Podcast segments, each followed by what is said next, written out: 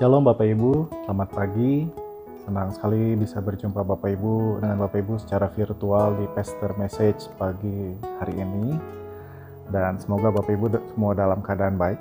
Dan hari ini adalah beberapa hari menjelang Jumat Agung di mana kita semua uh, tahu bahwa Tuhan Yesus mati di atas kayu salib untuk menebus setiap dosa kita semua dan memberikan pengampunan atas setiap dosa kita. Dia tanggung semua dosa Bapak Ibu dan saya di atas kayu salib dengan mencurahkan darahnya mati di atas kayu salib untuk tebus uh, setiap dosa-dosa uh, dan kesalahan kita sehingga kita dijadikan layak, dijadikan kudus di hadapan Bapa. Oleh karena itu ada beberapa hal yang ingin saya sharingkan dengan Bapak Ibu menjelang hari kematiannya di Jumat Agung saya kasih tema Blessed are the forgiven. Saya ambil ini dari perikop Mazmur 32 gitu kebahagiaan orang yang diampuni dosanya. Kita harus uh, memahami Bapak Ibu bahwa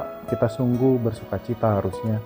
Karena kita sudah ditebus uh, dari maut kepada kehidupan oleh kematian Yesus di atas kayu salib.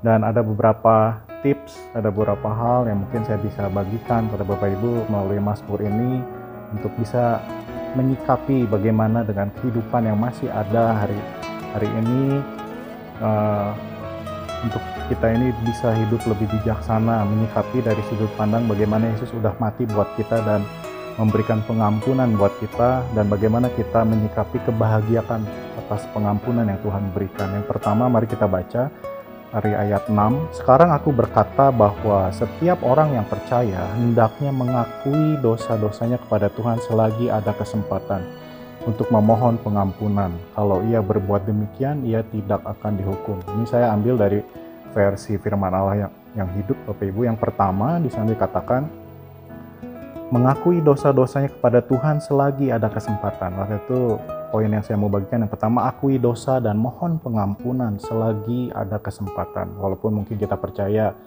darah Kristus mengampuni kita semua dan sebagainya tapi uh, alangkah baiknya untuk kita punya satu kerendahan hati keterbukaan bahwa kita semua mungkin nggak luput dari kesalahan dan kita mau mengakui di hadapan Tuhan selagi ada kesempatan.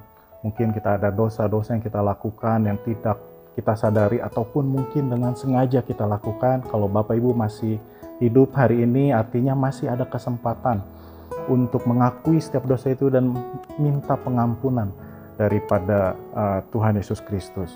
Yang kedua, ayat 8 berkata seperti ini. Tuhan berkata, "Aku akan mengajak engkau dan membimbing engkau sepanjang jalan yang paling baik bagi hidupmu. Aku akan menasehati engkau dan memperhatikan kemajuanmu." Poin yang kedua adalah perhatikanlah perintahnya. Karena itu jalan yang paling baik. Karena itu kenapa kita harus benar-benar uh, merenungkan firman Tuhan, membaca, merenungkan dan mempelajari supaya kita tahu apa yang harus kita lakukan dalam kehidupan kita dan ketika kita percaya sama Tuhan Yesus, kita juga percaya akan firman-Nya dan firman-Nya itu adalah jalan yang terbaik, jalan yang paling baik firman Allah katakan jalan yang paling baik bagi kita semua.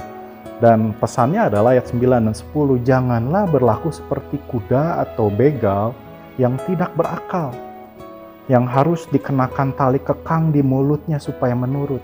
Jadi artinya ketika kita tahu firman nih, jangan sampai kita ini harus dipaksa untuk di, uh, untuk mengikuti firman Tuhan tersebut, tapi ikutilah firman Tuhan, taatilah firman Tuhan dengan kesadaran diri bahwa itu yang terbaik buat kita. Perintahnya itu yang terbaik buat kita. Walaupun mungkin kita nggak memahami secara penuh, kita kita uh, mungkin tidak memahami ketika apa yang terjadi dan apa yang harus dilakukan mungkin kita rasakan itu sangat kontradiktif tapi kita harus percaya bahwa itu yang paling baik ya jangan harus dipaksa jangan seperti begal firman kurangan yang yang tidak berakal kalau kita punya akal tentu kita tahu itu yang paling baik Kemudian banyak kesedihan menimpa orang jahat, tetapi kasih setia Allah mengelilingi orang yang mempercayakan diri pada Tuhan.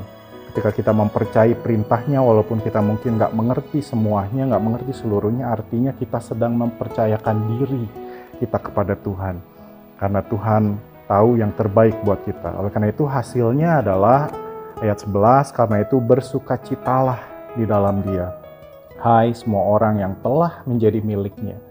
Dan bersorak-sorailah, bersorak-sorailah hai semua orang yang taat kepada dia. Hasil dari ketaatan kita kepada firman-Nya dan juga atas kesadaran kita bahwa pengampunan adalah kasih karunia yang Tuhan beri, Tuhan sudah mati buat kita di atas kayu salib, kita akan jadi pribadi yang bersuka cita karena kita taat, karena percaya kepada Tuhan. Sekali lagi Bapak Ibu, akui dosa, mohon pengampunan selagi ada kesempatan.